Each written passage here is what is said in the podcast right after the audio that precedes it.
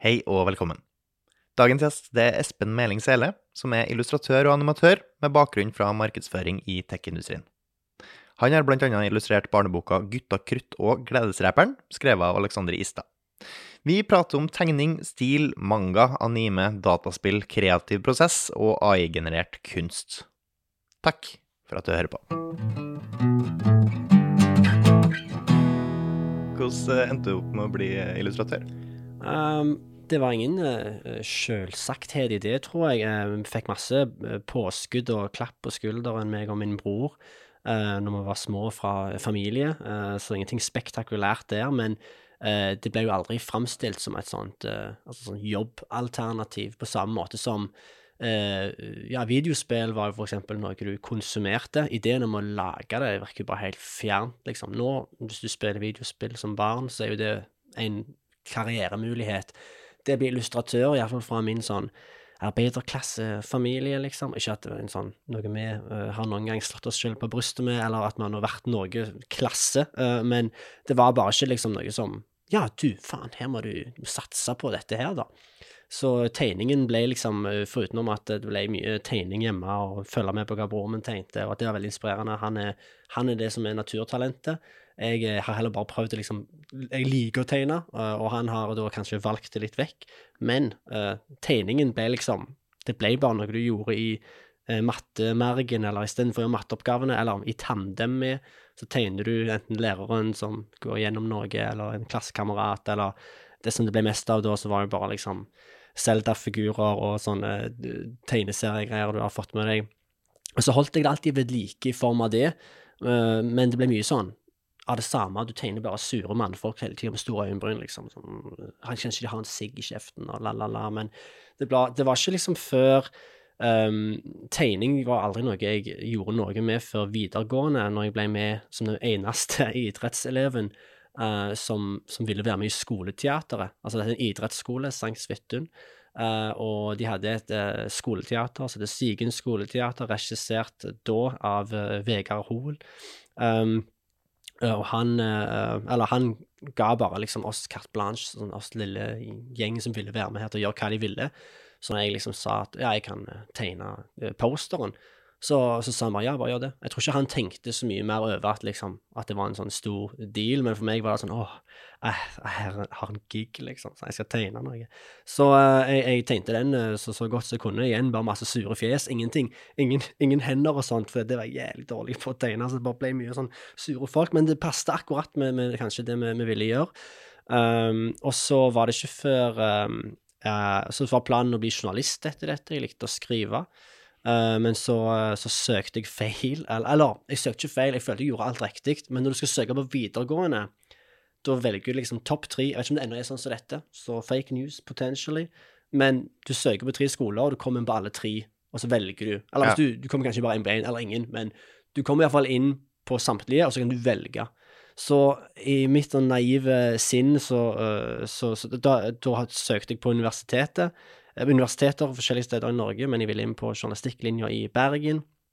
Uh, men der uh, hadde jeg søkt feil, så jeg kom heller inn på det jeg hadde søkt først, som var fjernsyns- og multimedie på, uh, på, i Stavanger. Og der, der, ble det tegning bare på grunn av at jeg syntes det var veldig kjekt å planlegge filmen før du, før du går i gang med den. men opplevde ofte at når vi kom på sett, at liksom hva enn jeg hadde tegnet, ikke helt oversettes til liksom, det jeg så for meg, da. Så jeg vet ikke, tegning ble liksom en måte å kontrollere litt mer det jeg så for meg, kontra det å kanskje bare gi seg hen til naturkreftene, da. Altså typisk en skuespiller bare dagen før vi skulle filme noe, hadde skrelt av alt håret. Passet ikke helt med mine tegninger av, av, det, så tegning ble liksom Det ble bare gradvis noe jeg, jeg gjorde litt mer og mer. Så fikk jeg en jobb hos uh, Soaring, som var bare sånn frilansarbeid. Uh, et uh, firma i Stavanger som uh, gjør explainer-videoer, og begynte da med videoscribbling. Og de, de, Jeg begynte der med å skrive, men jeg begynte av og til å prøve meg på å tegne liksom, noen av disse manusene. Bare sånn Ja, jeg har noen ideer til hvordan han illustratøren kan tegne det, liksom. og så fikk jeg en sjanse av, av, de da til å bare tegne, og til slutt så tegnte jeg mye. Og det var mye jeg, jeg tror det liksom fake it till you make it, for jeg hadde ikke noe sånn tegne formell trening i det hele tatt, men jeg, eh, jeg hadde nå liksom anledning til å tegne noe her, og forsto at ok, nå må jeg tegne dette. Det er snakk om å ha noen hender her og, som gjør ting, og da må jeg kanskje finne noen referanser, og liksom Og så har det egentlig bare balla på litt på seg. Begynte å, å jobbe der mens du fortsatt studerte? Ja. Jeg, ja. jeg hadde en kompis som, eh, som redigerte for dem, eh, og så jeg sa at jeg likte å skrive, og så fikk jeg lov til å, å skrive, da. Men eh, eh, Og hadde kanskje en liten sånn hemmelig agenda med sånn OK, jeg vet ikke hva de aksepterer av tegninger, men kanskje de kan akseptere det jeg tegner. Hvordan gikk overgangen fra liksom, det å scrible i en uh, mattebok eller en skrivebok Mm. over til det digitale? Nå, hva var det du begynte med digitalt først? Ja, altså nå er det jo bare digitalt jeg egentlig gjør. Uh, Skisser bare uh, på papir og eh, men, men det som var kanskje den overgangen, var vel at eh, jeg visste at jeg ville eh, fargelegge og ha litt kontroll og gjøre forskjellige ting med tegningene, men følte ofte at liksom Bare, bare for å sette det på spissen, da. Hvis du har en tegning på papir, så Og hvis du vil legge ting bak tegningen, så har du jo et Altså, det er jo ikke noe som er bak tegningen. Tegningen har et ark, og det er et, alt er 100 Altså, du kan ta og maske vekk alt dette hvite, men du jobber fremdeles liksom med en um, med et papirformat som på en måte du klarer ikke helt å bli kvitt. Eh, så jeg vet ikke, jeg følte på en måte det, det analoge var litt i veien for liksom prosessen da. Jeg kunne bare, før dette Photoshop og Premiere og alle disse sånne Adobe-programmene, så, så jeg følte liksom at det å jobbe på papir ble liksom for idealistisk. Så var det en kompis som sa sånn Ja, jeg hørte at du Han er fra Trondheim, men jeg klarer ikke helt å imitere han. Eh, jeg bare gir opp på den, forresten. Han sa at det jeg trengte, var et sånt eh, tegnebrett. For han har sett noen ha det. Sånn, sånn, Det du trenger, Spenn, det er et sånt tegnebrett, for det har jeg Ja. sett at noen har. så akkurat sånn, ja. Ja. Og så sa OK, what, what, be, what be this be costing? Og så viste det seg at de veldig sånne nybegynnerversjonene var ikke så dyre. Så da kjøpte jeg en av de, og klarte liksom på sånn magisk nok ha en sånn pad her, så tegnte der, og så bevegte liksom uh, musa seg på skjermen. Jeg bare What is going on? Og det, etter det så, så ble det veldig komfortabelt å, å tegne Å tegne um, på data Ja. digitalt. Det har liksom vært det, og det folk vil ha. Altså, du kan Mye av den tegningen jeg har gjort, krever at det er sånn Ja, sender du den i vektor? Sender du den i PNG? Den- Ja, så hvis du bare skipper alt det analoge, så, så går det litt fortere. Men noe mister du jo på veien, klart. Men spørsmålet er om du har råd til å miste det, og svaret er som regel ja. Mm, nettopp. Hva, hva tar det lang tid å lære seg å bruke et sånt verktøy? Uh, nei, jeg føler jo at det, visse ting med tegning er jo universelt. Altså, hvis du liker å tegne, så er jo det liksom OK, nå snakker vi business.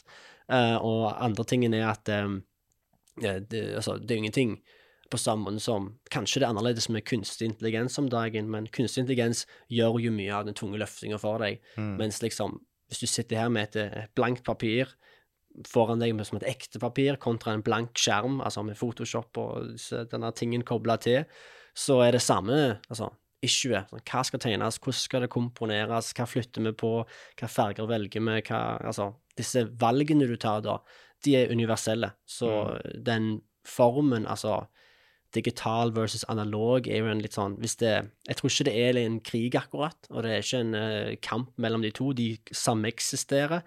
Men, eh, men det er helt klart at liksom det er en som kanskje eh, eh, har en litt eh, annen læringskurve, da. Altså, la oss bare si hvis du har en penn som du har da Altså, vi snakker om penner, for eksempel pensler på ekte. Mm.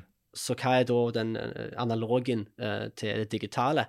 Det er jo da at du har brushes. Altså, det heter ikke engang Det er rart å kalle det noe annet enn det engelske ordet brushes, fordi at du det er det du, du har forskjellige pakker som har forskjellige symboler og patterns, som hvis du, du har et, trikant her, for eksempel, og du har det som penn, og du tar den over, så kommer den til å se annerledes ut når du tegner enn det som har utgangspunktet som en sirkel, eller en, en, en annen form som er litt mer gjennomsiktig. Altså, du har kanskje Du må bli kjent med penslene dine.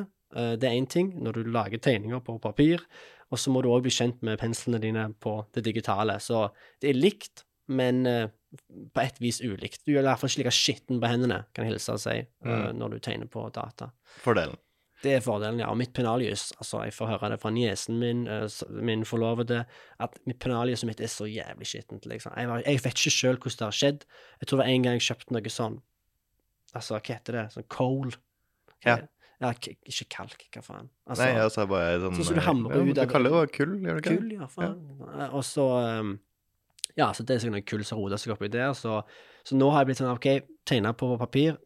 Veldig sånn ah, zen, men jævlig skitten på hendene. Ja. Tegna på, på datamaskinen. Mm, easy access to Spotify, YouTube, entertainment. Mm. Så ja, det er en eh, det, Kanskje jeg er avhengig av maskinen. Det er jeg. Ja, bare um, uten sammenligning for øvrig, men likevel litt sammenligning. Uh, personlig så liker jeg å spille gitar. Jeg er ikke Ja. noen dritgod, men jeg liker å spille gitar. Men jeg er også på et par tidspunkt prøvd å skulle lære meg digital musikkredigering, liksom. Ja, ja, ja. Men det å lære seg det instrumentet, det, det ligger ikke i meg. Jeg, bare, jeg orker ikke å lære meg alt, Mm. som, liksom, alt som inngår i det å mestre liksom, logic, da. Men siden jeg kan jo allerede gitar, jeg kan jo bare sette meg og spille litt gitar. Jeg orker jo ikke å lære meg gitar på nytt, men digitalt, det er bare sånn øh. Jeg kjenner meg igjen i den. Jeg tror at uh, det er nok samme greia med at det, det, hva du kan fra før, du vil helst bare bygge på det, kanskje. Eh, og som det eksempelet med det musikkgreiene der, at eh, jeg, jeg er omvendt. Jeg kan bare lage musikk, liksom, eh, på, med sånn datastyring og midi og eller sånn som det. Så, så jeg tenker alltid sånn, det skumle for meg er sånn Å, satan, a real piano. Like, Ja, okay. Oh man, a sax. Disse ekte tingene bygger du opp på en pedestal. Men jeg tror av og til det er det som er styrken. Derfor jeg føler jeg i hvert fall har fått et lite fortrinn. At jeg har bare liksom vært akseptert at liksom, ah, jeg kan det jeg kan, og så bygger jeg på det. Og jeg tror at min sånn vei gjennom alt dette her er et produkt av at jeg bare har liksom uh, godtatt at det jeg kan, det kan jeg, og jeg bygger på det. Jeg har aldri tenkt så mye på at uh, ja, altså å, ekte illustratører, de tegner på ark, og de tegner på papir, og uh, det er same shit, og, men altså, de, de jobber analogt, mens digitalt er på en måte en slags sell-out-greie. Altså, jeg vet nå ikke, jeg tror ikke på sånne ting. Så Nei. jeg tror at eh, det er intensjonen som betyr noe. Eh, altså, en kompis som jeg sier dette med 80% story, 20 håndverk. Og liksom, hvis håndverket begynner å overta story-greiene, da er det ikke så, da, da blir det narsissistisk. Altså, Ja. Det handler om noe annet enn det som skal formidles. Mm, blir en slags perfeksjonisme i håndverket framfor å faktisk få fram et budskap som noen andre kan nyte. Ja, jeg tror det. Jeg tror at hvis du liksom har en idé, og den kommer ikke ut fordi at det skal se så jævlig bra ut, liksom at Nei, jeg skal tegne det med en penn i ræva av artistic reasons, og det er ingenting som tyder Det er veldig vanskelig. Jeg vet ikke hvorfor jeg nevnte det som eksempel, men jeg kan se for meg hvis du skal lage en tegning med hånda di eller med pennen i ræva og liksom stå over Ja, det er vanskeligere, liksom. Og hvis ikke det synes på det ferdige eh, eh, liksom produktet Hvis det ikke er sånn ah, det er tegnet med ræva, liksom. Mm. ingen, og det ikke har noen funksjon, så waste of energy. Tegn med sant? ja. Hva blir du inspirert av? Um, jeg er veldig inspirert av ting som er litt um, Ikke så veldig innenfor sine former som er satt. De gangene jeg har sett actionfilmer som markedsfører seg som actionfilmer, men plutselig har noe annet på gang, at det, ja, ikke at det er en komedie, men ja, ting som uh, gjør litt for, for seeren, eller de som er med til å spille litt med det, og skjønne at det her er fiksjon, det føler jeg er ting som inspirerer veldig. Og min favoritt japanske artist i alle fall er en som heter Satoshi Kon. Og han har en manga som heter uh, Opus, som jeg kan anbefale. Og der er det da eh, at eh, hele fortellingen er en eh, mangaartist som prøver å lage en manga. Men disse figurene, liksom, de rømmer ut av boka, og de innser at du driver og tegner oss og liksom setter oss i livsfarlige situasjoner. og ja, det, Jeg vet ikke hva det er, men ting som da er litt sånn sj- sjølbevisste, eh, tror jeg er bra. Det å på en måte bryte form tror jeg er sunt. For eksempel, det det er ikke form å skikke inn i disse kameraene i dette podkasten her, liksom, men det er en iscenesatt situasjon. Mm. Uh, selv om det er veldig hyggelig å komme her, og vi, meg og deg hadde en kjempekjekk drøs før vi satte i gang, så er det noe iscenesatt med det. Og jeg tror Ja. at det er veldig viktig å alltid gjøre folk klar over det, for jeg tror at vi omringes av så mye ting som vi kaller for ekte. Altså, vi snakker om mye av det meg og deg vet, jeg kan snakke for min egen del bare, men det er jo fra podcasts hvor folk diskuterer ting. Jeg snakker om verdenshendelser med en, en stor selvsakthet, men jeg har ikke opplevd det sjøl. Så kanskje jeg må være sånn bevisst på at når jeg tar inn informasjon, så er det på et vis formidla.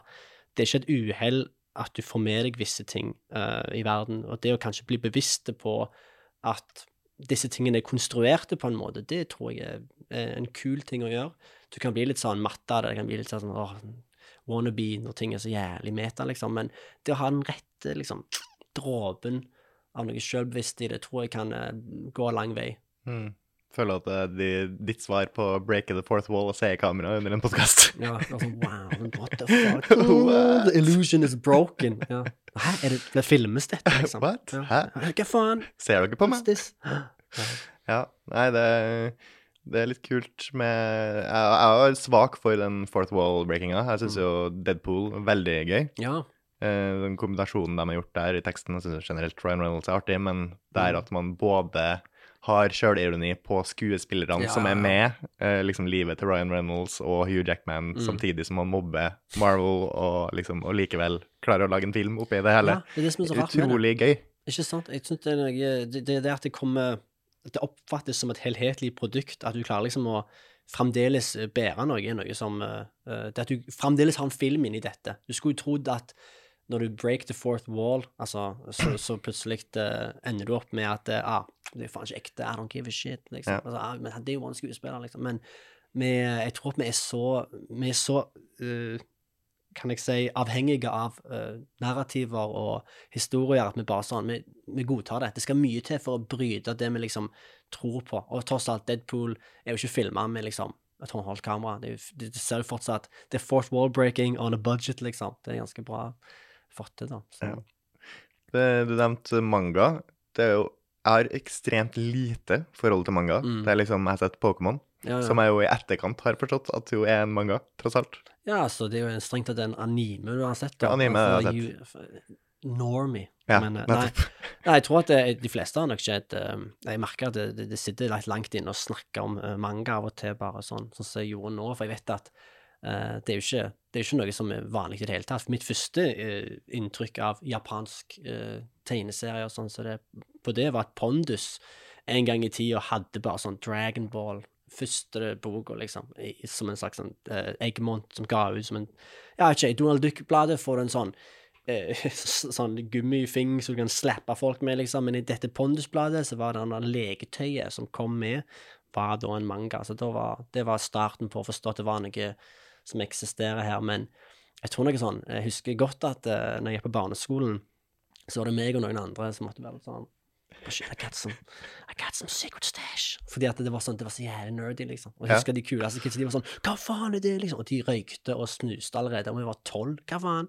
Så uh, det var litt sånn uh, Du måtte skjule litt vekk, og du var aldri helt stolt av det. Nå føler jeg det skamvanlig, men da, når jeg fant ut av det, da var det veldig uh, Da følte jeg at det var sykt nerdete. Og jeg Ja. syns ennå at det er litt sykt nerdete, men I likes it. And I likes it a lot. Ja, det er nesten så dere måtte stå på eh, mangahjørnet og anime- animehjørnet, Mm, mens de som røyka, dem kunne stå hvor de ville. Ja, hva faen? Det er jo ikke rettferdig i det hele tatt. Folk har sparka fotballer på, altså. Nei, det var ikke så gale. Jeg, er- men, eh, men det er absolutt en sånn Det er mange sånne ting med, med manga og eller øh, japansk øh, tegneserie og alt det greiene der, at det har Det er en vegg bak der, øh, en vegg foran meg liksom, som er vanskelig å sånn, gå gjennom, fordi at det, det er en helt annen verden. Jeg var i Japan nylig, og eh, jeg vil ikke gå på den total tangent der, men det er en annen verden, liksom. På, på, på, på godt. Ja. Eh, og vondt. Men eh, primært på godt. Og hva som anses som vanlig der. Altså, vi var på en sånn bare sånn vanlig boksjappe. En stor en, vel å merke. Og det var, altså, det var så mye sånn hentai, altså sånn japansk mm, animert porno, liksom, Ja. overalt. Og det var, vi var der klokka fem eller fire etter jobb for noen, og så sto det liksom bare sånn Helt vanlige folk. og bare var, var sånne kondisørtilstander. Sånn, mm, yes, ah, yes, the one with the horse that has a big tits. Og det var helt, det var bare sånn Det var kult at det er så åpent, at det er så OK.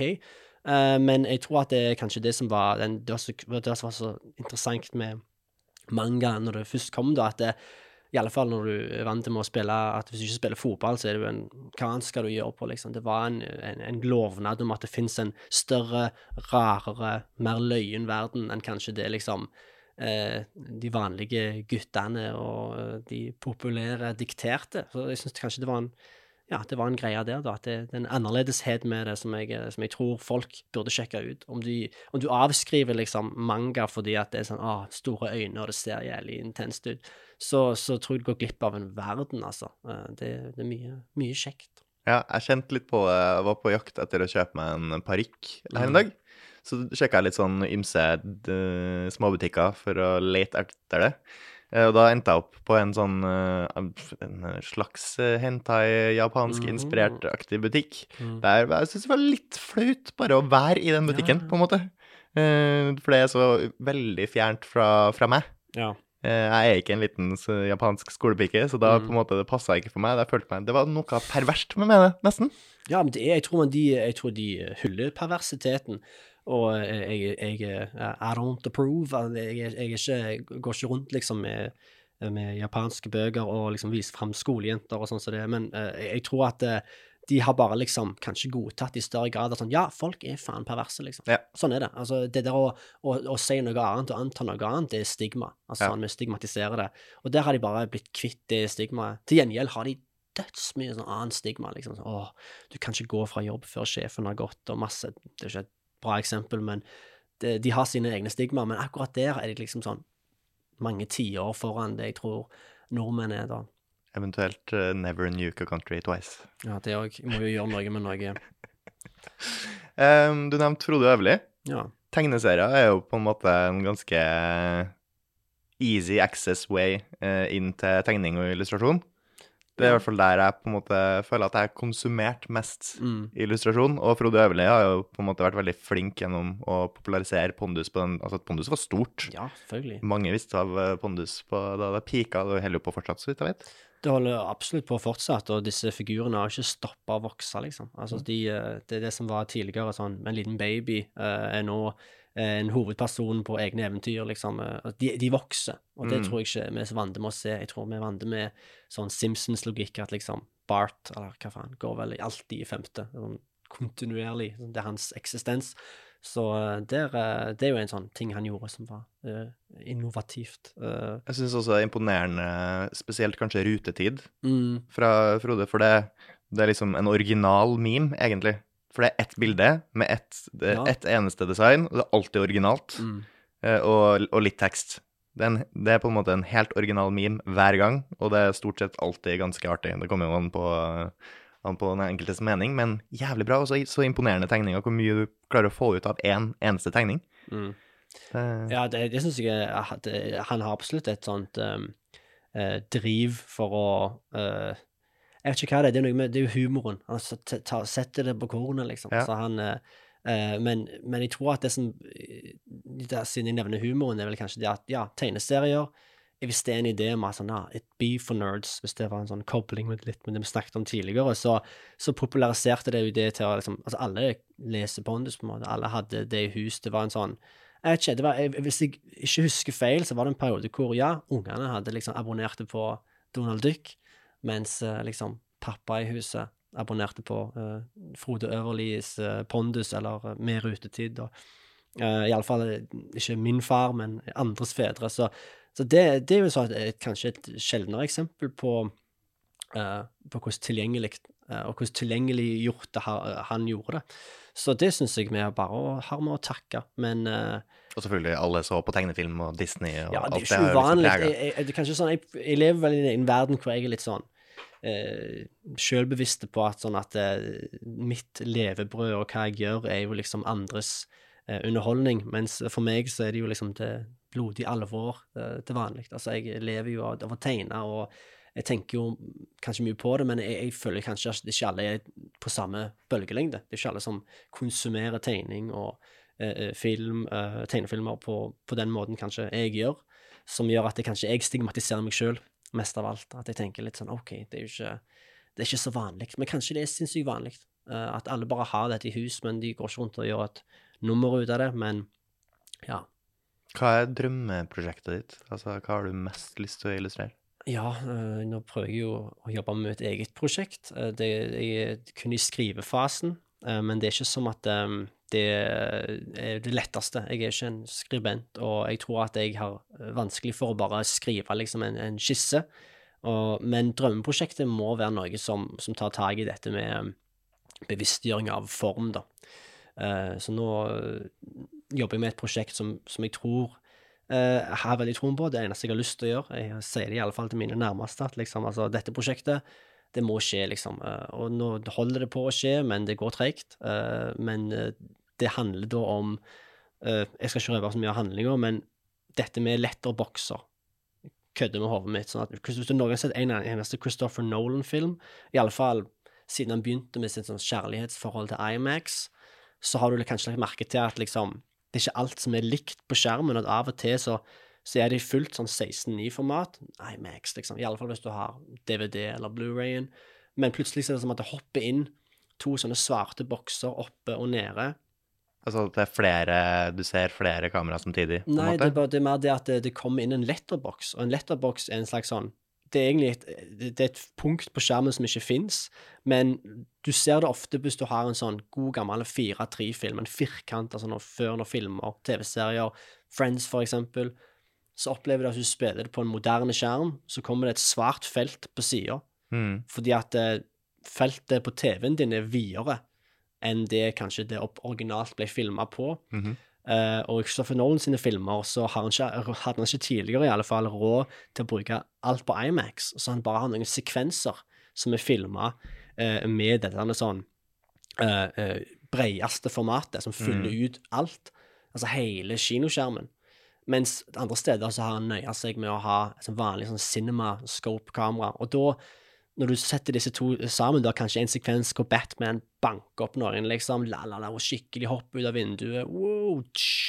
Eh, og så klipper du til at det er bare en vanlig snakkesekvens på sånn advokatkontor, bare sånn Yes, Bruce Wayne is not here. Uh, og da kommer disse letterboxene inn. Og uh, han har bare godtatt at ja, det er et sånn det er et kompromiss med at vi vil ha noe i Imax og noe sånn, men jeg det har alltid frustrert meg uten ende, liksom, at vi kan godta at det skjer inni en film, for filmen måtte avsløre seg selv med at han er filma med to forskjellige kameraer. Og, og jeg vet ikke hvorfor det er så interessant for meg, men, men filmen jeg jobber med, gjør et nummer ut av dette, da. Altså, letterboksen er en del av handlinga. At den kommer og går, kanskje sier noe liksom om når du går inn i ulike uh, uh, Hva kan jeg si uh, opp, innstillinger av narrativer, på samme måte som at nå jeg gir en innstilling av et narrativ, jeg gir en podkast. Derfor snakker jeg på en viss måte oppfører meg på en viss måte. Skamnervøse. Mens hvis jeg går på gata, så er det et annet narrativ, liksom. Et annet operativ jeg er på. Jeg er ikke lenger i en situasjon. Jeg er på gata, jeg er offentlig. Og sånn er, sånn er ting hele tida. Kontekster kommer og går. Kanskje altså, fortellerteknikker, kameratyper. Jeg vet ikke, men jeg vet i alle fall at det å gjøre noe, og bevisstgjøre folk på letterboksen, tror jeg har en, kan være bra eh, for å liksom lage en fortelling hvor liksom kanskje figurene opplever at de er inne i en film og må på død og liv komme seg ut, liksom. Og hvorfor er de inne i en film? Ja, altså disse spørsmålene her tror jeg er verdt å Det er drømmeprosjektet mitt, da. Ja. Og det har, en, det har et plott rundt seg.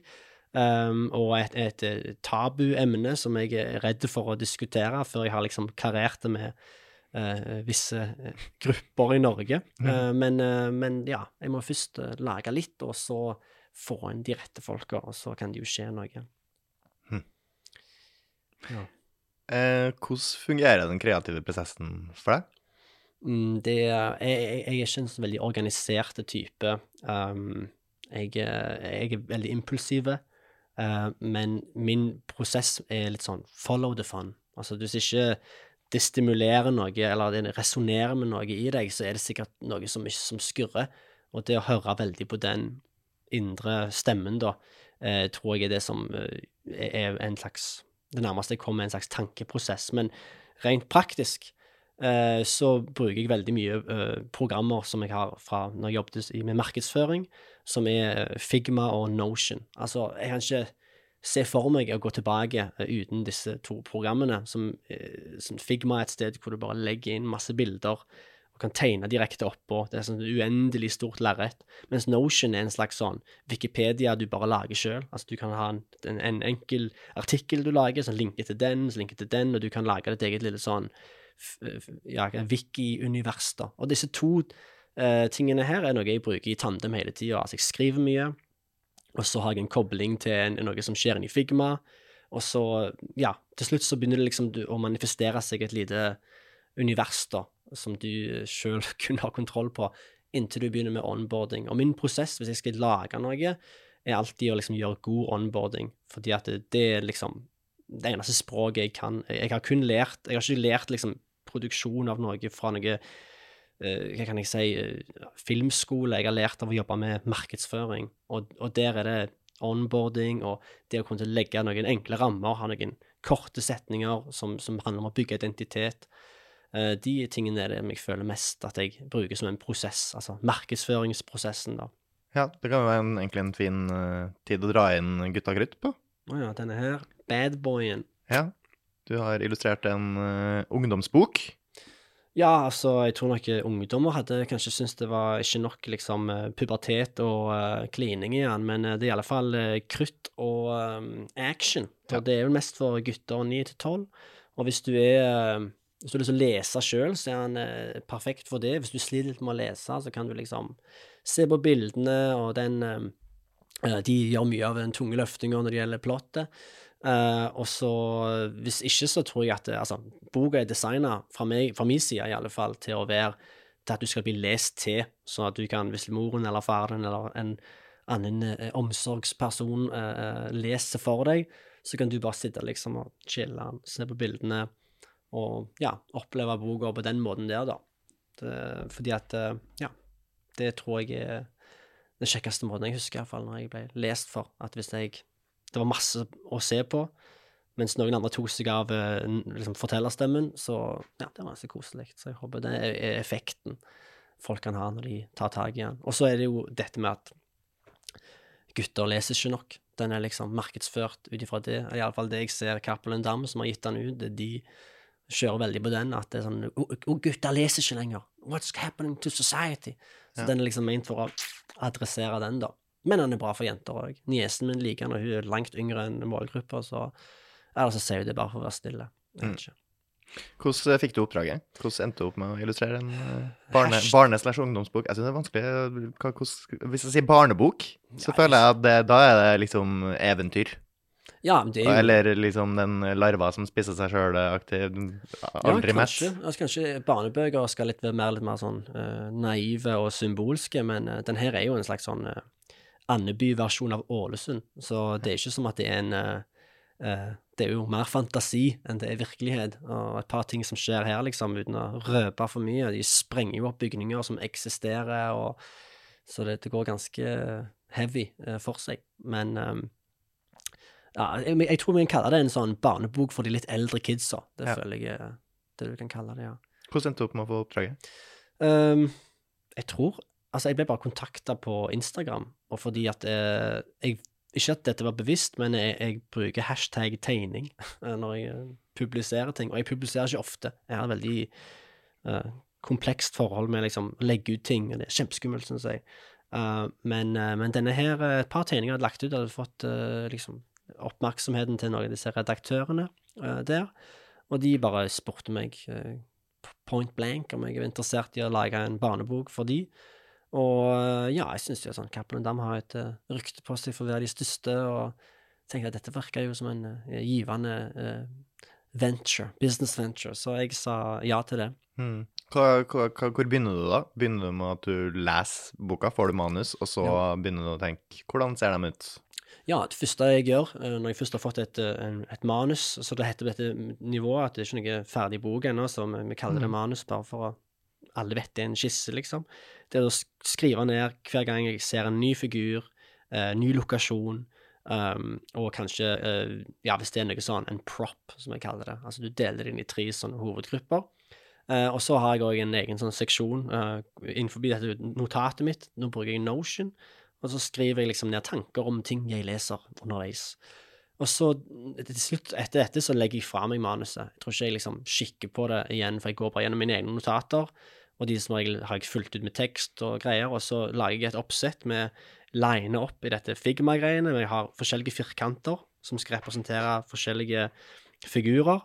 Og innenfor hver firkant så skisser jeg tegningene for seg sjøl og legger ut oppdateringer og liksom eh, prøver liksom å sørge for at øh, når de andre, som da er forfatteren og redaktørene, da liksom skal på en måte få litt innsikt i, mitt, i min, i min prosess, så er min prosess og den oversikten jeg gir de, en og den samme, liksom. At det er ikke en Jeg prøver å lage liksom noe som de ville hatt lyst til å se, og det blir mitt format for å jobbe på òg.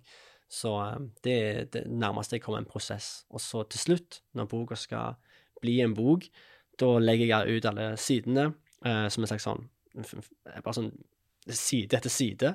Flytte inn tekstbolker, flytte på de, liksom, og så lage tegninger her, flytte på de, og bare ha liksom puslespill med tekst og tegning samtidig. Og det er den kjekkeste prosessen, utvilsomt, når liksom du vet hvordan figurene skal se ut, og du har en idé om hvordan lokalene skal være og så komme inn og liksom bare nesten tenke kameravinkler, og, og liksom hvis de står her, så kan ikke teksten være på hodet deres, da må teksten kanskje klareres. Og det hensynsspillet der er, er det som til slutt lager boka, da. Resten er jo teknisk. Med liksom, du er et filsystem der alt må inn i noe så det er InDesign for publisering. Uh, så, uh, så, da må du liksom legge opp på det tekniske uh, der. og Det er kjempekjedelig, men that's also part of it. Men ja, det, og til slutt, i enden av dagen, så blir det en bok. Jeg syns det er interessant at uh, sjøl digitalt, da, så føler jeg å klare å se at du har en strek, som man kaller det. At det går an å se at det er Espen. Det bærer i hvert fall preg av de andre Enhver illustrasjon du har gjort, syns jeg bærer preg av en annen. Ja, jeg kan det. se at noe av det at det er Espen. En Espen Original. Espen Original. Ja, det tror jeg det er heldigvis Altså, Hvis du ser det, så er det et biprodukt av eh, hva som kommer lett for meg. Altså eh, stil er jo bare liksom Altså, ja, dette er det jeg klarer å tegne. Uh, på en forutsigbar måte, uh, uten at jeg dreper meg sjøl, liksom, i prosessen. Så det, hvis du syns det ligner på noe, så, så det er det, det hensynet jeg tar til meg sjøl. Så jeg syns det er kult at du, at du syns det, det, ligner på noe jeg har laga, da. Mm. For det er jo det, det, er noe jeg bare tar for gitt, og det må ta for gitt. Altså, tegningene kunne jo sett ut som, ideelt sett, som en annen illustratør som jeg ser opp til sine, men, men pga. at jeg gjør det, så ser det ut som mine. Så det er et eh, sånn biprodukt, men eh, det, ja, det er jo det vi kaller stil, da. Det er et det er That's what I can do. Alle, med alle, alle tingene lina opp, og med ting som skal skje. Sånn ender det opp med å se ut, liksom. ja. ja. Mitt inntrykk, eh, eller det jeg på en måte da jeg først begynte å tenke på stil, er egentlig i sammenheng med, med dataspill. Mm. For der har du jo noen stiler som på en måte ikke holder seg like godt.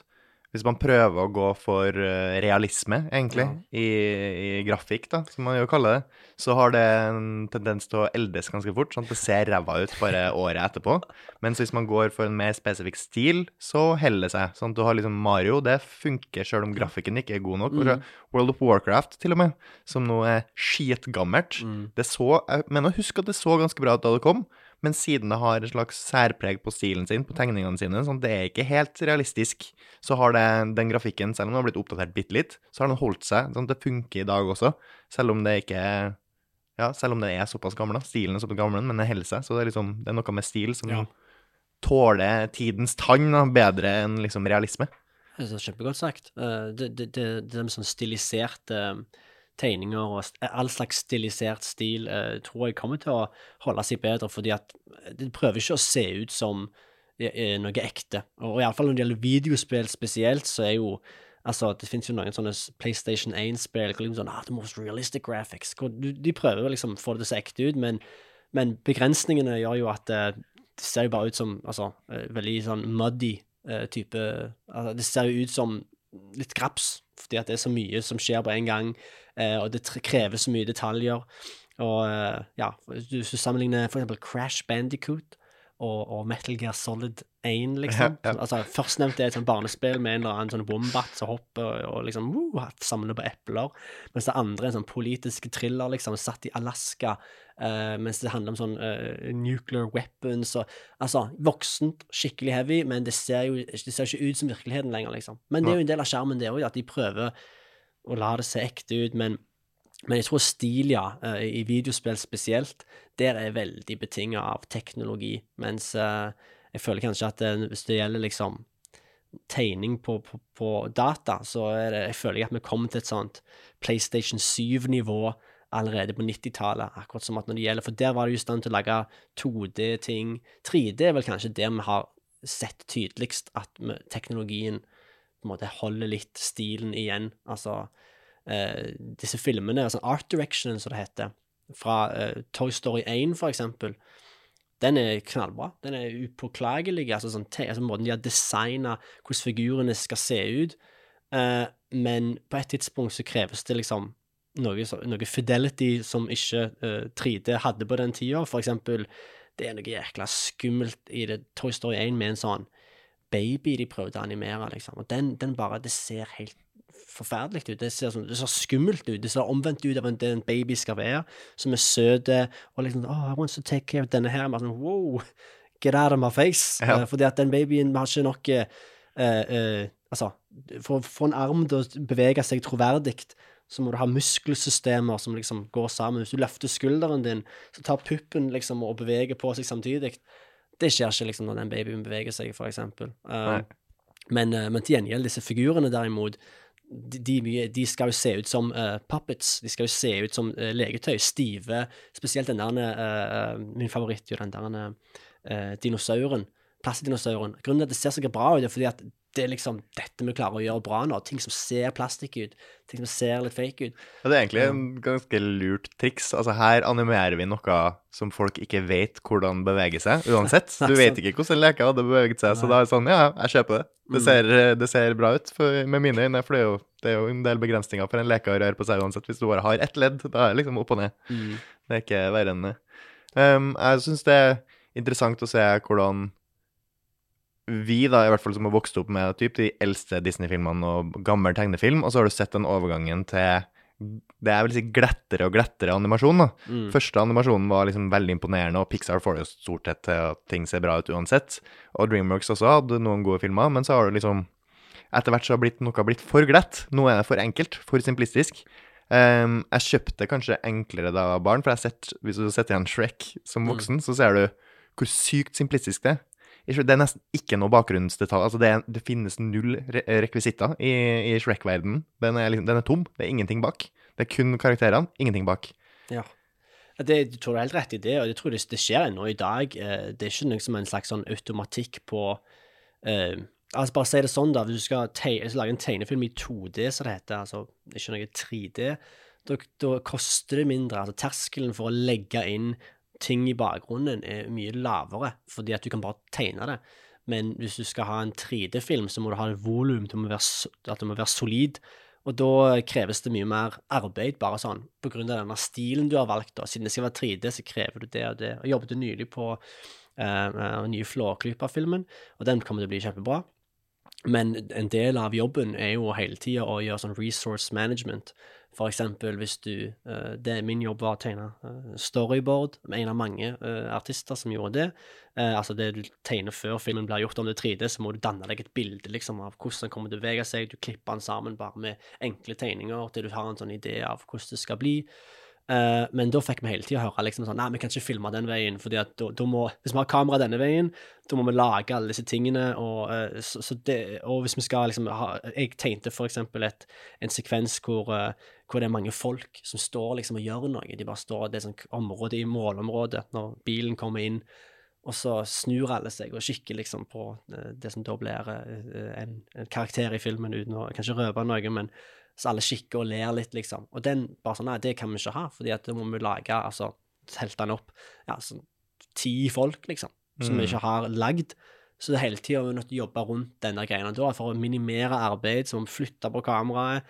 Så på et vis er 3D såpass ressurskrevende at uh, kanskje uh, spesielt liksom Det, det krever uh, For at du skal tro på det, så krever det like mye ting som du ville krevd fra en 2D og den virkelige verden, altså ting som gjør at det er troverdig, men uh, samtidig så er liksom Budgets are real, og da Ja. kan du ikke liksom bare ha alt dette. Altså, du, noen må lage det, og derfor tror jeg at du ser mye sånn kreative løsninger, mye sånn close-ups, kanskje de står mot en vegg, kanskje de ikke liksom, i alle fall hvis det er Altså, nå har ikke jeg sett Shrek Aim på lenge, så jeg skal være forsiktig med å, med å si noe om den, men jeg tar ordet ditt på at eh, Bare at den sikkert ikke ager så bra. Den er jo fra en sånn The Heyday. Ja, men altså Storyen er jo påklagelig, og Ja. liksom manus også. Soundtracket. Ja, manus er kjempebra, soundtracket er veldig bra. Det er veldig mye bra med den. Jeg bare la merke til det da jeg så den i voksen alder, at det er ikke noen bakgrunn. Nei. Det er ingenting. Det er kun karakterene som prater, og that's it. Det er liksom Byene er så, så å si helt tom, skogen er liksom Det er ingenting. Det er nesten ikke noe detaljer. Det er bare sånn Hæ, her er det tomt. Eh, en annen film som jeg så nylig, som er en ganske ny film, der å merke at man kanskje lurer seg unna det her du sier, da, at du ikke vil animere så og så mange personer i bakgrunnen. Men jeg merker den der tomheten, da, at jeg ikke kjøper det. Og det var egentlig den nyeste Spiderman-filmen. Oh, ja. Den der animerte. Den der Into the Spider-Verse Eller, jeg Ja, ikke det lenger. to, ja, en av de. Multiverse er det sikkert nå. Mm, den siste av de. Den er jævlig kul. Dritfett, liksom. Helt utrolig stilig laga. Men der å la merke til at der går man for ganske mange abstrakte stiler i bakgrunnen. bakgrunnen. Sykt mye forskjellige farger, forskjellige greier. Men mm. ofte så er det sånn Hæ, men det blir litt tomt. Nå kjøper jeg nesten ikke at det der er et rom lenger. Er du i en by nå? Hvor er du? Er det noe folk der? Er det noe stemning der? Eller sånn eh, Noe jeg mister, da, som jeg eh, føler at jeg sitter igjen mye mer med etter å ha sett på typ 101 dalmatinere-filmen, oh. der jeg bare sånn Oi, her er det masse detaljer bak. Eh, hvert rom har på en måte en følelse. Her er det masse bøker. Det er masse, det er masse ting. Mm. Jeg ser at det er et rom, selv om det er en tegning. Ja, jeg, jeg, det syns jeg er en eh, kjempebra take. Eh, jeg tenker at dette med det du sier, 101 dalmatinere, liksom, det er jo en, en film som Iallfall når den ble laga for Walt Disney, var en skam, liksom. Fordi at den filmen ble laga med en gang eh, Når liksom Xerox-printeren og skanneren har blitt en greie. Altså før dette, for at du skulle kunne lage en tegnefilm, så måtte du ha et gjennomsiktig på en måte, det som kalles for en sånn cellpapir. Altså det er gjennomsiktig. Eh, og så måtte du da ta det oppå et uh, lysbord med en, en tegning under, og trace liksom den tegningen på ny. Så snu cellen, male inn bak. Og det var en sykt tung prosess. Det som printeren, eller skanneren da kunne gjøre, var at du bare kunne liksom skanne tegningen rett opp, og skanne den, og så printe den oppå et sånt, denne cellen, og så var jobben gjort. Um, men det er fremdeles eh, det, det, det, som du fikk med deg, da, som ikke Walt Disney himself likte så veldig, uh, var liksom at du fikk eh, utrolig, Du fikk alle strekene til liksom disse animatørene. Alt arbeidet de har gjort for å få dette til å henge sammen. Av og til ser du det som kalles for konstruksjonslinjer.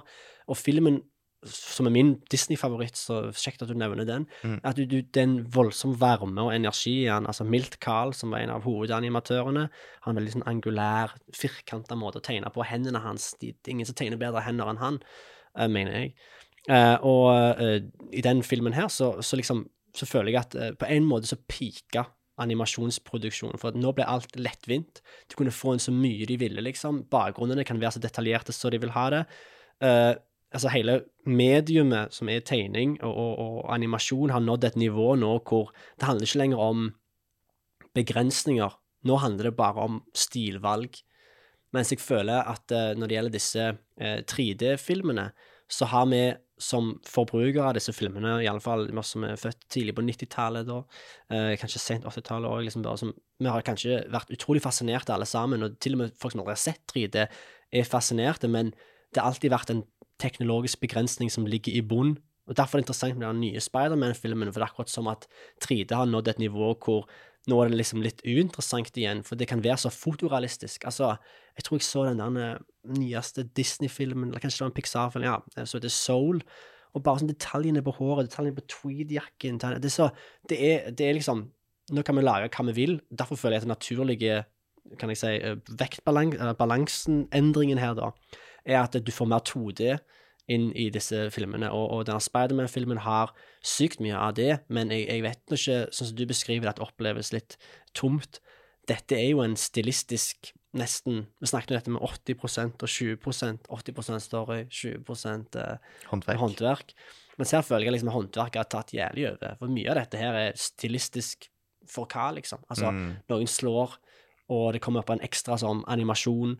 Eh, og her er det jævlig lett for meg å sitte og bare sånn trash talk. Det er ikke det jeg gjør. Det er fantastisk å laga, men spørsmålet om det er overfladisk, eller om det gjerne liksom er Ja, altså enda et forsøk på bare å holde på seeren på et uh, Ja, eh, over Litt sånn Ikke overordna, men Ja, hva, hva, kaller du det? Det er litt um, Ikke, ikke Nei, dette må du sannelig meg redigere. Nei, Altså, nei, det. Altså, det er ikke Overfladisk er vel ordet. Det, det har Ja. mye mer med jeg, jeg følte ikke den sånn stilendringen altså, Alt så likt ut. Det var ikke sånn at den gikk inn i en annen verden, og så plutselig endra alt seg der. Det, det er gjennomgående 3D og 2D i skjønn union.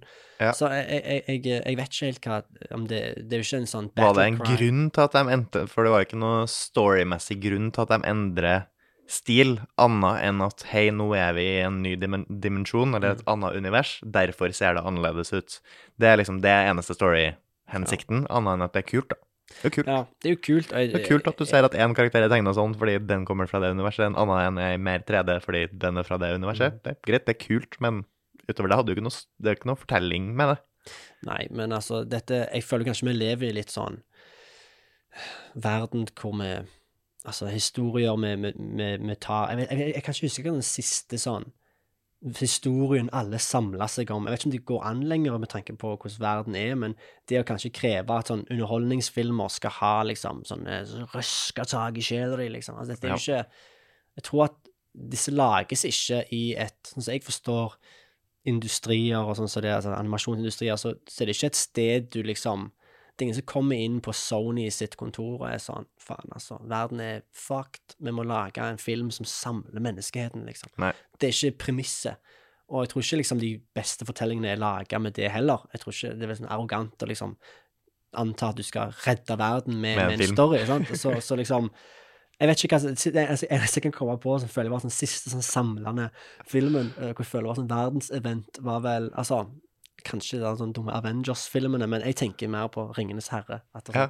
Disse filmene kommer sånn Oh yes, ah, the bad guys, the good guys. Men jeg tror heller at den store eh, altså feilen med, med, med film, at vi forventer en eller annen sånn At det skal redde verden, er jo at de iboende, altså uansett hvordan du vrir og vender på det, så bruker altså sånn den dumme boka du har her, henger seg opp i. Altså, vi trenger protagonister og antagonister og stories, liksom. Altså, vi er alltid på jakt etter good guys og bad guys, og filmer har det aplenty, Ja. men uh, det er ikke helt liksom det den strukturen eller formatet som er bra for å diskutere verden, da. Altså, hvis du skal ha de benærende, at det finnes gode og dårlige eh, mennesker, så, så driver du liksom aktivt og lager sånne syndebukker. Altså, det er en forenkling av verden, og filmer tror jeg ikke er et sted for å redde verden. Det kan inspirere, underholde, være sånn escapism, men uh, jeg tror ikke det å kanskje liksom kritisere Sånn som jeg nå er forsiktig med Spiderman-filmene for sånn ah, Storyen er jævlig sånn, sier ikke noe, liksom. Ja, det, er, Hva- det er kule filmer. Det er kjempekule liksom? filmer. Og jeg syns det er mye mer spennende jeg synes, Generelt nå syns jeg Spiderman har tatt seg opp, da. Men, men eh, det er jo mer spennende med de tegnefilmene nå enn å se en classic Marvel-film, fordi det har blitt så utvanna uansett. Absolutt. Så det er på en måte Det er veldig mye mer kreativt og spennende enn, og bedre underholdning, rett og slett, enn andre filmer. Hva tenker du om AI og animasjon og tegning? Ah. Ja, altså um, jeg, det, jeg, Kombinasjonen der nå, som jeg ser Jeg har iallfall én venn som er veldig sånn Oh, it's a tool. Altså, det, det er et verktøy du kan bruke. Uh, og absolutt et verktøy du kan bruke. Jeg kan se for meg at um, det kan erstatte en sånn Google søkemotor-interface. Altså hvis du er en av disse folka som jobber på kontor og har to skjermer, liksom, så kan du ha en skjerm hvor du jobber på, og en annen skjerm med liksom, browseren din åpen. Og jeg vil jo tro at hvis du ha Hvis du, på, hvis du allerede ser på Google som en liten sånn sperringspartner for å finne ting, informasjon, bilder, så kan en eh, en AI eh, være veldig eh, en, en ny interface for det, da. Et nytt brukergrensesnitt hvor du La oss bare si du, du sliter med å kanskje få en idé til noe. Så kan du skrive inn promptsa dine og få liksom en eller annen referanse ut av det. Men mitt problem ligger ikke liksom i teknologien og lovnadene. Det ligger heller i eh, forventningene og implementasjonen. Og jeg kan bare begynne med implementasjonen, da, med å si at eh, liksom, Grunnen til at jeg tror det er så mye skepsisme fra, fra, fra, sånn, eh, fra sånn illustratørverden Og nå, eh, altså, jeg har hatt eh, mange venner jeg har snakket med som tegner, som liksom bare sånn avskriver det. Og jeg er egentlig sånn en populist. Så jeg er sånn, yeah, fuck the AI, liksom. Men jeg har et litt mer nyansert bilde av det. Og, men la oss bare se at liksom sånn Det første missteppet som skjedde her, var at når en av de tidligere Du vet sikkert akkurat hvilken det er, men når en, en av de sånn, første sånne AI-bildegeneratorene dukka opp, så viste det seg at liksom Altså igjen, en, en AI kan ikke bare skape på kommando. Altså AI er ikke liksom uh, noe som eksisterer annet enn at det er et system som setter sammen mønstre og prøver å finne Den måten du beskrev den andre Gameboy, unnskyld, Pokémon-spillet, det er AI. Det lærer seg, det setter sammen ting. Det vet ikke egentlig noe annet enn det det får liksom rewards og altså, en tilbakemelding på. da. Det er sånn du trener. Men de første sånn fascinerende AI-generated image-søkemotorene som de lagde, var laga ut Altså, biblioteket de tar fra Altså, den har ikke noe En AI kan ikke bare liksom lage et bilde av et menneske. Den må ha referanser. Og alle disse referansene kom fra artister som på det tidspunktet var på, som var på Deviant Art, blant annet, eh, og, og hadde masse hvor det finnes utallige bilder. altså for, Forskjellige folk bruker det som sånn. Det var Instagram før Instagram for illustratører. Så du bare legger ut hva enn du vil. Og det som ikke liksom eh, var stuereint, var at eh, denne nye eh, AI-en, den, den brukte alle artistene sine bilder som referanse, som treningsdata. På et tidspunkt så var det så gale at hvis du lager en sånn tegning det, eller skriver en prompt, så fikk du til og med deg en signatur helt nede, fordi det var bare en del av liksom greiene. Og da Det er feil. Altså, dette med å bare ta ting fra andre, uh, det, det virker jo helt um, det, da har det skjedd noe feil her. For liksom, uansett om det er sånn, ja, men det er jo bare basert på, så er det brukt, det er satt inn i et system, en eller annen AI har tatt dette og gjort noe med det. Ja, den gjør noe annet med det, men siden det er en automatikk i dette, og den ikke engang skaper noe for, for egen hånd, så har han bare tatt masse bilder, uh, massevis av de, og lagd et systemspråk som fungerer liksom til å lage i. Og jeg, jeg vet ikke, jeg jobbet for et kunstig intelligensfirma i fire år, uh, Boost AI, uh, og eh, det, var en, det var en chatbot. Og da snakket vi om AI hele tida, liksom. Jeg jeg var aldri en tilhenger av å, av å kalle det det, fordi at Begrepet har blitt litt utvanna. det ikke bare utvanna, men kunstig intelligens altså Det er litt sånn høne eller egget. Hva kom først? Kom uh, fiksjonen av kunstig intelligens, eller kom det ekte? Mm. Problemet med at, eh, at fiksjonen kom først, når du tenker tilbake på Do Androids Dream of Electric Sheep, som var en sånn novelle som ble utgangspunktet for Blade Runner-filmen med Harrison Ford, uh, så, så, så, sier, så, liksom, så fikk alle en idé om hva kunstig intelligens kan være. Og så selvfølgelig kommer The Matrix på 90-tallet, og mange filmer før og etter, liksom, som, som tar for seg fenomenet, eller den der nesten Altså, på et vis så kan du sidestille, mener jeg, kunstig intelligens, sånn som vi snakker om det, med Sasquatch, romvesener, trollmenn, drager Altså alle sånne fairytale-greier. altså, det er egentlig samme båsen, fordi at vi hvis, du, hvis, det kommer en trollmann inn i byen og sier at han skal trylle, liksom, så tenker du OK, hvis han er en ekte trollmann, så kan han ekte magi. Men altså, mest sannsynlig er det bare en optisk illusjon, når han gjør noe, og hvis du ser gjennom det, så ser du at OK, trollmannen bare hatt noe kort oppi ermet sitt, liksom, eller han kanskje har hatt en eh, bror som aldri har snakket om før, så alt var bare en illusjon. Men kunstig intelligens av en eller annen grunn, så har vi liksom bygd det opp på en sånn pedestal hvor vi sier at ah, kunstig intelligens, dette er kunstig intelligens. Mens vi bare Altså, det er lingvistikk her. Vi, vi kaller det for kunstig intelligens fordi at det er det det ligner mest på. Den, det vi ønsker det skal være, denne fiksjonen.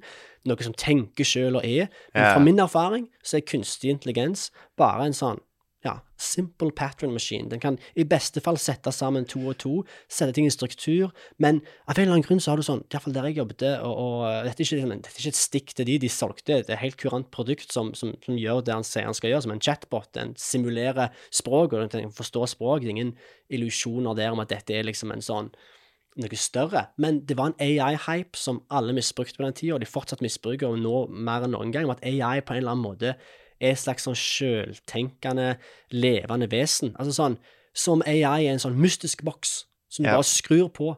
Men når det egentlig Altså, disse folka som bygger disse AI-ene, de liker å liksom fjonge seg til med de samme begrepene uh, som gjerne hjerneforskere bruker. Så de snakker om sånn, ah, sånn å trene, trene på nodaler, liksom. Du har sånn ah, Du trener på samme måte som hjernen bygger seg opp. Men altså Det undergraver så veldig de store kosmiske spørsmålene om hva det er å være menneske, og at vi vet så vidt noe om hjernen. Og så snakker en gjeng med folk som driver og programmerer, litt bokstavelig talt i binærer, ener og nuller, om at de kan gjenskape liksom hjernen din. Bare, nei, hva er det er, så, vi vet, det er så arrogant. Vi vet ingenting Ja. om, om hjernen. Og det, altså, kunstig intelligens mener jeg kun kan brukes når vi liksom begynner å få et litt mer edruelig forståelse for, for hva det egentlig er. Og for å svare på spørsmålet litt, beklager, så mener jeg at det som jeg ser framtida med AI, er at hvis jeg kan velge hva denne AI-en skal trenes på, så kunne jeg gjort dette. Jeg kunne fått en AI, pumpa inn mine bilder, min stil, og eid min strek, liksom.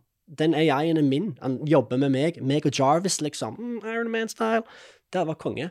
Der ser jeg det kan gå en vei, men vi har ikke noe Foreløpig så er det liksom har vi AI eh, som, som, vi, bruker til å, å, lage forskjellige ting med, eh, eller har vi en, en slags sånn perversifisert Google søkemotor? Hva er det for noe? Jeg tror at det er et vei hvor du kan, hvis du får tilgang, du kan styre parametrene sjøl, så kan det bli en utrolig god eh, et godt verktøy, men en god partner, å sperre med dine egne ideer. Men før det, når du driver liksom bare tar ting liksom uten å liksom ha eh, eh, fått tillatelse, så kan det fort bli stygt. Og jeg, jeg, jeg, tror at folk må bare anerkjenne at når noen har lagd noe, så er det liksom et stykke arbeid. Det er å bare ta noen sin tegning. Det er liksom, det er der, det, er der det går vondt. Teknologien er OK, promising, men la oss liksom gjøre det på en ryddig, fin måte. Mener. Ja, jeg tror jo um, Det er mange som har den samme holdninga som det, altså at det AI ikke skal få lov til å stjele uh, fra andre. Men jeg føler jo at eh, resultatet av for mye stjeling blir jo ofte ikke like bra. Sånn jeg kan godt høre kun på Coldplay og bli veldig inspirert av Coldplay og prøve å gjenskape og lage en Coldplay-låt, men da vil nok jeg bli straffa for det, på en måte. Mm.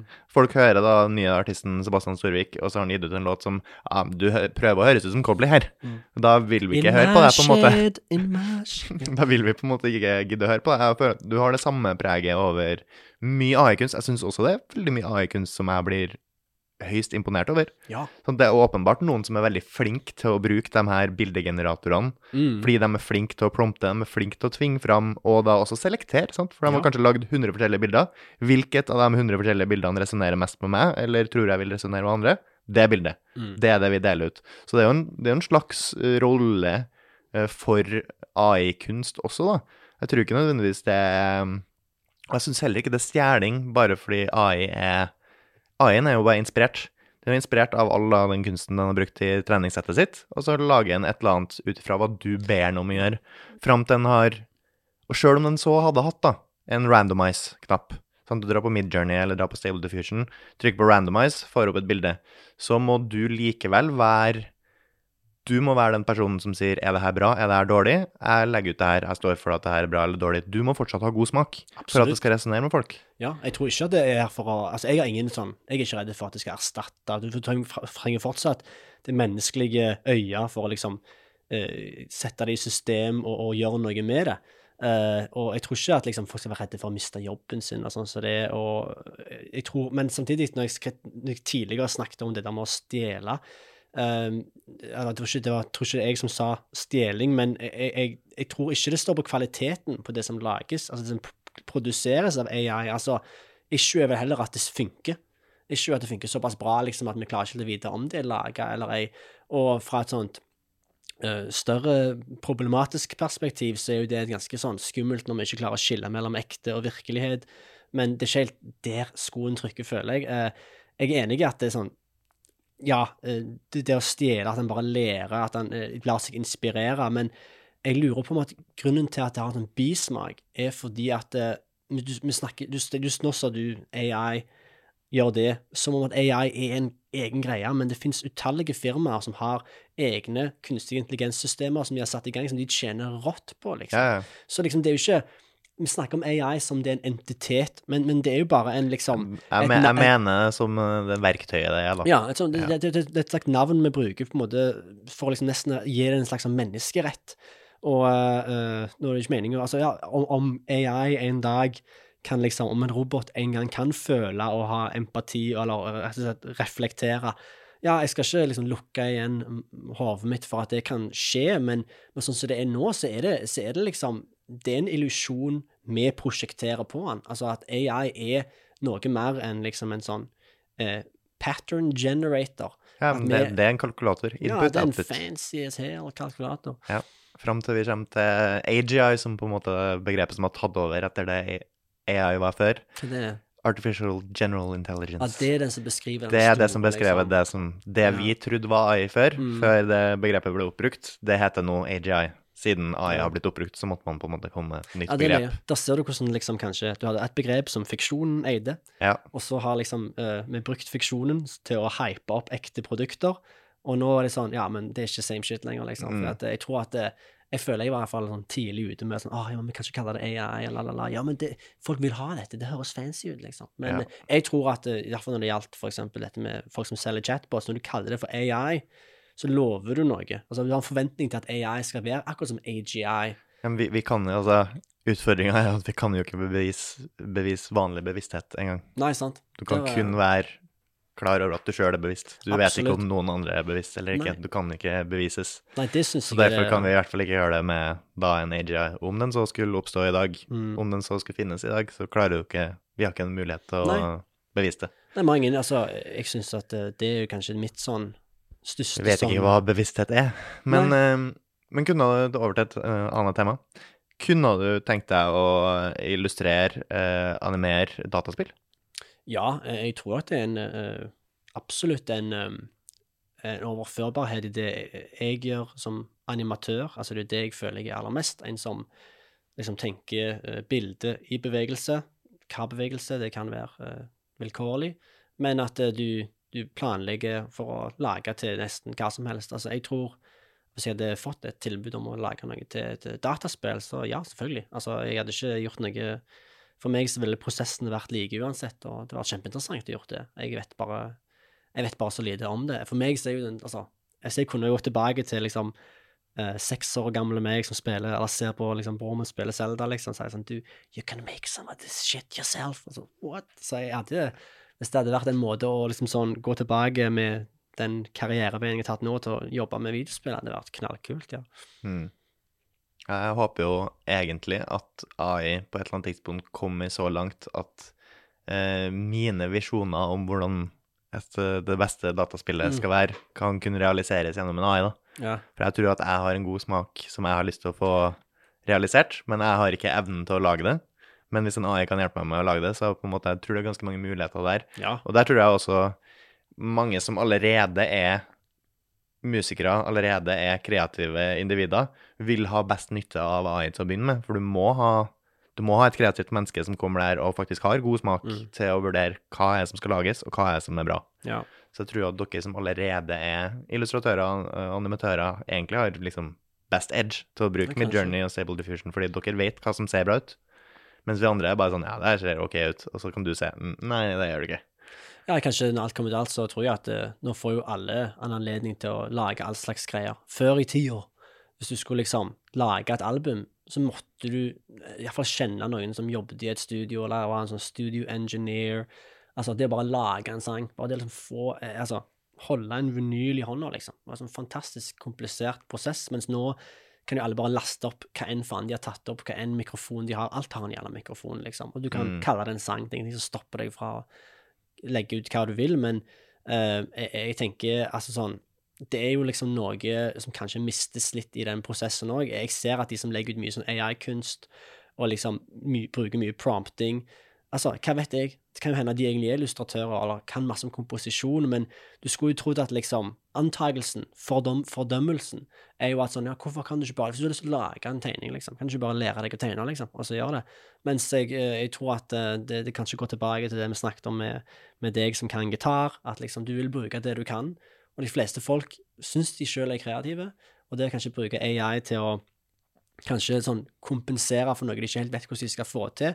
Jeg tror at liksom mye kunst og mye ideer er gatekept. Altså sånn hvis du har en idé om å lage en, et videospill på 90-tallet, utrolig komplisert, mens nå er det jo programmer som kan hjelpe deg å lage det. Det er fortsatt vanskelig, du må kunne noe om noe. Men altså, eh, hvis du liksom ikke har lyst til å lære deg koding, så kanskje sånne tools som dette hadde vært helt optimalt. Men det vil alltid være de som kanskje kommer til å si ja, ja, men din sjel er ikke like ren som min. Fordi at jeg måtte lære meg å kode. liksom, I made video games with the typewriter. Altså sånn, uh, Folk som har gjort noe og på en måte gjør at det blir utilgjengelig fordi at det har vært en tradisjon på hvordan du gjør disse tingene. Kanskje AI kan slå litt vegger ned der, få litt fortgang på ting. Men i beste fall så ser vi jo mer ideer som kommer ut som ellers ikke ville kommet ut. Så jeg, jeg, jeg velger å være en sånn optimist på liksom, Igjen, meg og deg er på samme nett der, at det, det er jo et verktøy, men jeg tror det må gjennom en liten sånn forventningsstyring, kollektiv forventningsstyring, og så kan det kanskje komme ut som en mye mer uh, uh, ja, satt pris på normalisert ting, Mm. enn at nå er det litt antagonisert, hele greiene. Jeg syns jo um, ofte det er ganske mange som liksom kanskje ikke har det beste kreative hodet, som prøver seg på diverse AI-generatorer. Altså sånn Nei, den var ikke så bra. Altså sånn Jo, den er ganske bra, du må bare lære deg å bruke den, sånn som Mm. som ethvert annet redskap, liksom. Ja, det, er, det er noe som ligger i det. Og så har jeg også Jeg prøvde meg en del på sånn uh, musikkgeneratorer Mm. av AI. Um, og der merker jeg at datasettene ofte er såpass små at hvis jeg bare sitter og leker med den i to timer, så begynner jeg å høre da uh, AI-en sin stil. Mm. Jeg hører stilen. uh, så jeg klarer ikke å lage noe originalt med den uh, AI-generatoren, okay. fordi jeg hører alltid at ah, det er lagd av den AI-en. Og jeg tror kanskje at det samme preget vil komme på bildegeneratorer også over tid. Etter hvert så kommer de til å bli eh, utsatt for så mye AI, eh, AI-bilder lagd av type Midjourney Stable Diffusion at du kjenner det igjen. Ja, det her er AI-generert, så de vil ikke tro det i dag, fordi noe er spennende og annerledes. Så det er sånn, over tid tror jeg vi klarer å kjenne igjen streken til AI-ene, kanskje. ja. Vet ikke, men det er en liten teori. Og der tror jeg igjen det vi mennesker har som AI-en ikke har, muligheten til å bryte regler og grenser, sånn som du sier, når liksom breaking the fourth wall, der kanskje det kom igjen. da, sånn at Du må ha noe som beviselig ikke er laga av en AI, fordi det der får ikke en AI til å lage. Hva er det? Vet ikke. Men det er liksom, hvis AI-en har en begrensning på en firkanta format, vel, du lager rundinger eller noe som krysser, eller et eller annet som både digitalt og analogt. Hva, Mm. hva er kunst, liksom? ja. Jeg tror uh, jakten på originalitet blir jo kanskje vanskeligere, men jeg tror det Det å få til noe originalt med AI tror jeg blir mer og mer utfordrende. Ja, ja det, kanskje det var det beste du eh, sa der, ja. At, uh, at det blir jo mer en slags jakt på originalit originalitet. Fordi at det, La oss si at foreløpig, sånn som filmer er nå, altså sånn, det er jo bygd på en formula. Uh, hvis du ber for eksempel eh, en av disse sånn Hva heter den? eh, en av disse Jeg glemmer hva han heter. En av disse vanlige AI som du skriver inn, og han gir deg liksom et, et, Ikke Midjourney. Midjourney og Nei, Stable Diffusion, det er. Ja. Ja, sikkert den. Største. Eh, jeg har iallfall bare lekt meg med det når det kom ut, husker jeg. Og jeg ba det liksom gi meg en sånn filmsynopsis. Ja. Altså, bare for løye. Så jeg hadde den filmideen min. Så jeg er redd, for at jeg har gitt hele filmideen min til liksom en sånn eh, AI, og nå har vi tatt den. Men heldigvis så han- for, Altså, det var jo ikke en identisk ting han ga, men absolutt en formular. Så han ga meg en filmidé. Han ga meg liksom noe fra start til slutt som kunne fungert. Men hvis det er sånn det er blitt nå, liksom, at det, vi begynner å bli Igjen, det går tilbake til det med selvbevissthet, kanskje, da, at eh, hvis liksom AI-en klarer å gjennomskue hvordan formulariske liksom, filmer er, for eksempel, ah, alle filmer og sånn Ja, det fins noe som heter sånn story universality. Det er noe som gjør en bra story til en bra story, liksom. Ja, det står mye om den Denne boka. boka her, Robert McKee. Denne her fikk, to, eh, fikk Sebastian da han studerte i USA. Det var pensum. Og han er used fordi han har lest den, og fordi han kjøpte den brukt. Ja. Det fant vi ut før. Fordi jeg er så opptatt av bærekraft. Ja, jeg skjønner det, du er en grønn mann. Men uh, ja, kanskje da denne originaliteten blir utfordra. Hvis liksom AI-en kan skvise ut sånne Pixar-filmer som om det er ingenting, liksom. Så kanskje sånn OK, er det noe hva annet må vi gjøre for å liksom, gjøre, sørge for at AI-en ikke klarer å lage dette? Jeg, jeg vet ikke hva svaret på det er, men jeg tror heller at det er en, en utfordring menneskeheten klarer å ta uten problem. Og hvis liksom verden faller sammen av liksom at AI-en klarer liksom å pumpe ut x antall sesonger av Seinfeld fordi han har sett alle episoder av Seinfeld, så kanskje liksom, ja, vi burde lage noe annet enn Seinfeld, da. Liksom. Jeg, jeg tror ikke jeg ser, jeg ser ikke som en evig optimist, derfor er jeg alltid sein til alle avtaler. Jeg er ikke det, jeg er flink. Jeg kom på tida i dag. Men jeg er en optimist, så jeg tror at uh, uh, Ja, det, er liksom Vi finner ut av det. Altså AI eller ei. Det eh, vi, vi, vi kommer til å leve med dette. De, det å bannlyse er jo iallfall ikke et alternativ, men for meg så syns jeg at implementasjonen var forhasta, og det tror jeg det virker som det er mange sånne bekymra forskere som òg eh, sier seg enig i, at det, det handler mest om at det finnes ting på nettet nå som maskerer som ekte bilder, men ikke er det. Det er jo, et, det er jo problematisk. Eh, og, det viser, de, og kanskje de folka som har lyst til å lage uh, content for å mislede deg, altså propaganda, uh, hvem det skal være, har nå fått et De òg har fått et ekstra tool til å lage som pram bullshit. Ja. Og det er jo kanskje det som er den største faren med det. Vi må som alltid lære å være kritisk til Mm. alt innhold på internett. Everything is fake. Ja, den føler jeg, den må, den må ikke forsvinne fra pensum. Lærer de gjennom det på skolen? Ja, ja, ja. Kritisk tenkning er viktig. Ja, men er det et eget sånn okay, Har du det som en del av heimkunnskap, eller har du det som en del av norsk, liksom? Jeg regner med det står en eller annen plass i læreplanmålene at du skal lære kritisk tenkning. Det inn i En del av demokratiet. Få det inn i heimkunnskapen. Kritisk tenkning der i er, er denne oppskriften ekte, eller er den fake, liksom? Kunst og Her står det seks egg. Skal lage to pannekaker. Stemmer dette, liksom? Svømming. Det er viktig å Ja, jeg kan ikke tenke, men uh, jeg tror at bare få kritisk tenkning inn i alle fag, liksom. Ja. Konge. Da Espen, nå har jeg ikke forberedt deg på det her på forhånd, men uh, til up and coming illustratører, hadde du hatt noen tips? Ja. Eh, konkrete, vel å merke. Altså eh, Alle som liker å tegne, har nok opplevd at eh, du lager noe på kvelden, kanskje, og tenker sånn mm, Yes, it's really good. I like what I sees. Og dagen etterpå så våkner du opp og er sånn Hva, i, hva er dette for noe, liksom? Jeg trodde dette var bra i går. Nå har jeg fått drømt og som sovet, og nå har jeg eh, følt meg eh, mer eh, hatt mer edruelig sinn, og nå syns jeg at det ser ræv ut, liksom. OK, da kan jeg tegne videre på den og fikse tegningen. Men et triks for å liksom eh, hoppe over den prosessen og liksom kontinuerlig få disse åpenbaringene, er at eh, hvis du tegner på ark, så tar du tegningen med deg bort til speilet og kikker, og så ser du den med nye øyne. Hvis du jobber digitalt, eller hvis du bare har arket ditt og setter det opp mot en lyskilde og flipper, så ser du det speilvendt. Og speilvende det du lager Altså, dette gjelder ikke bare tegning, det gjelder også grafisk design hvis du lager en hjemmeside. Hvis du klarer på en eller annen måte å speilvende designet ditt, spesielt med tekst, hvis du jobber med tekst òg, ofte så ser du det ikke når du leser vanlig. Uh, det heter det at Du skal ikke bare skrive inn en tekst eh, liksom, når du jobber med grafisk design, du skal liksom manually fikse avstandene mellom visse bokstaver og gjøre det fint. Hvis du flipper det, hvis du ser tekst skrevet bakvendt, så mister du den der evnen til å kjenne igjen um, altså skrift. Og du ser heller på liksom bokstavene som symboler, abstrakte symboler. Og du ser at liksom, å, disse l-ene er jævlig nærme hverandre. What the fuck? liksom, Og g-ene og, så, så det er mitt uh, hovedtips. Uh, men å bli illustratør, det er jo et uh, uh, mer et um, Ja, hva kan jeg si? Et, uh, en, noe du liker å gjøre. Altså, hvis du ikke liker å tegne, så stryk det, liksom. Altså, det er jo ikke liksom noe du kan Jeg tviler på at uh, folk har foreldre som tvinger de til å tegne. Akkurat som I want you to be an engineer. Altså, no, but I want to be illustrated. Jeg tviler på at det finnes folk som sier You shall be an artist. Så hvis du er i en situasjon hvor liksom, du blir tvungen til å tegne av foreldrene dine, leie. Altså, kanskje prøv å komme deg ut av den. Men hvis du ikke blir tvunget, og du liker det, så, uh, så må du ta sånne tips som dette med å flippe, og det å kanskje um, ja, prøve å eh, Det er vel det mest konkrete tipset jeg har, bare for å liksom bli litt bedre. Fordi jeg tror at det viktigste du må ha, er å ha god smak, liksom. AI eller A, som vi snakket om. Altså, hvis du har, du har din smak, du har noe du resonnerer på, det er noe du liker mer enn andre ting. I begynnelsen klar, føler du ikke at du alltid klarer å få det ut, men hvis du fortsetter å liksom, ja, flippe hele tida og liksom prøve å finne ut hvorfor du ikke liksom liker dette, og stille noen kritiske spørsmål, ærlige spørsmål, sånn, hvorfor ser denne foten så jævlig ut?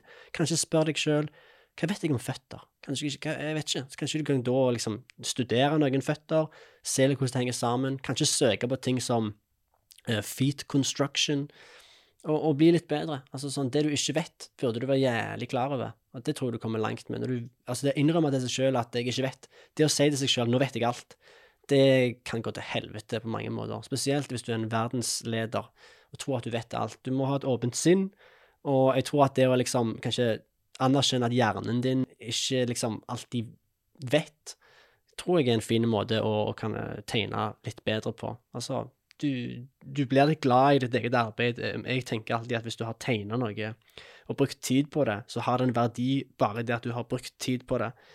Så, så liksom det å da gjøre det skumle jobben med å si sånn Jeg har ei venninne som når hun tegner, så sier jeg til henne ah, 'flipp han litt'. Nei, jeg tør ikke. Men hvorfor ikke? Ja, da ser jeg alt som er feil med han. Ja, men Det er derfor du må gjøre det. Liksom. Mhm. Så det å kanskje våge å, å begynne litt på ny, ikke ta liksom strekene dine så høytidelig, ikke tegn forsiktig, tegn fort. Og så bare bli kvitt de dårlige tegningene før du finner den gode, liksom. Det, det er sjelden du liksom finner den rette tegningen med en gang. Det er en prosess av liksom å danse litt med seg sjøl. Ofte ubehagelig dans hvor du liksom alltid tenker, som jeg alltid tenker, jeg kan faen ikke tegne, liksom. Oh, what am, I am nothing. Og så- men det er gjennom den smerten at du, du finner liksom noe som er litt verdt å, å eh, Ikke akkurat gi ut, det er ikke rette ordet, men kanskje liksom si til seg sjøl den er ferdig. Så, så må du stoppe uh, altså, Det er sånn fjellvettregler. Du, du må stoppe før det liksom blir mørkt. på en måte. Altså, Stopp før du blir drittlei. Av og til er det ferdig når det er ferdig, liksom. Trenger ikke så mye mer ting. 80% story. Kommer, kommer det liksom eh, Forstår du hva det prøver å si? Og så hvis du bruker jævlig med tid på sånn Ja, men skyggingen var- Drit i skygginga, liksom. Hvis ikke liksom tegningen funker uten skyggelegginga, whatever, liksom. Det er ikke så nøye på det. Det var mine tips. Tusen takk for at du kom, Espen. Og takk. Tiden flyr i godt lag. Skål. Skål. Klinky.